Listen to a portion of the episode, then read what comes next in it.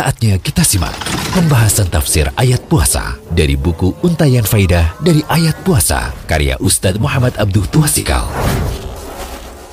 Alhamdulillah, salatu wassalamu ala rasulillah wa ala alihi wasallam. Kali ini kita berada di audio ke-12 Dari buku Untayan Faidah dari ayat puasa.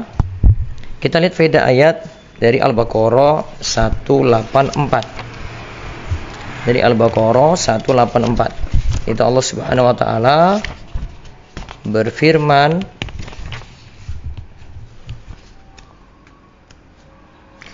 Ayyam ma'dudat faman kana minkum maridan aw ala safarin fa iddatun min ayyamin ukhar.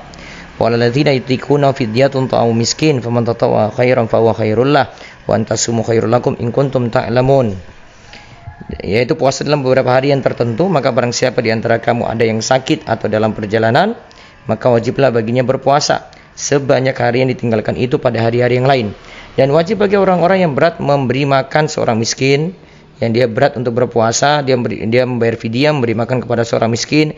Barang siapa yang dengan kerelaan hati mengerjakan kebajikan, maka itulah yang lebih baik baginya. Berpuasa lebih baik bagimu jika kamu mengetahui. Maka faedah dari ayat pertama, kondisi seorang yang masih sehat dan tidak berubah menjadi sakit parah maka tidak dibolehkan membatalkan puasa seperti kepala sakit kepala ringan, batuk ringan itu tidak boleh membatalkan puasa karena sakitnya ringan dan kuat untuk berpuasa. Terus yang kedua, rahmat Allah kepada para hambanya dibuktikan dengan Allah membebani kewajiban sesuai yang hambanya itu mampu.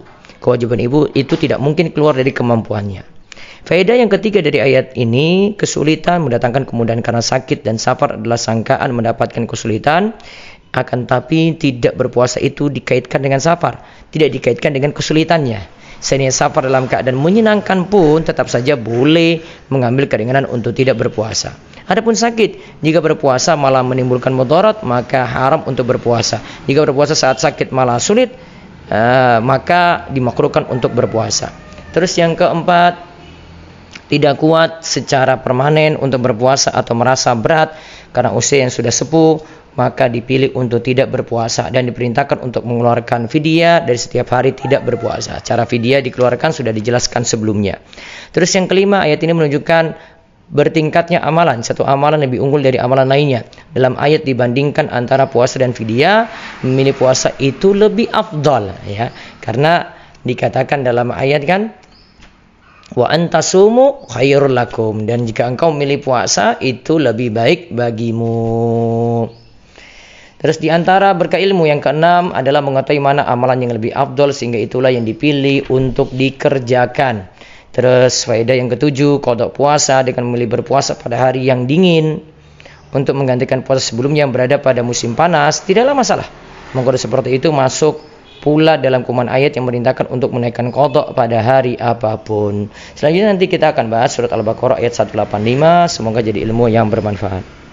Allah ya barik. Demikian pembahasan tafsir ayat puasa dari buku Untayan Faidah dari Ayat Puasa karya Ustadz Muhammad Abdul Tuasikal.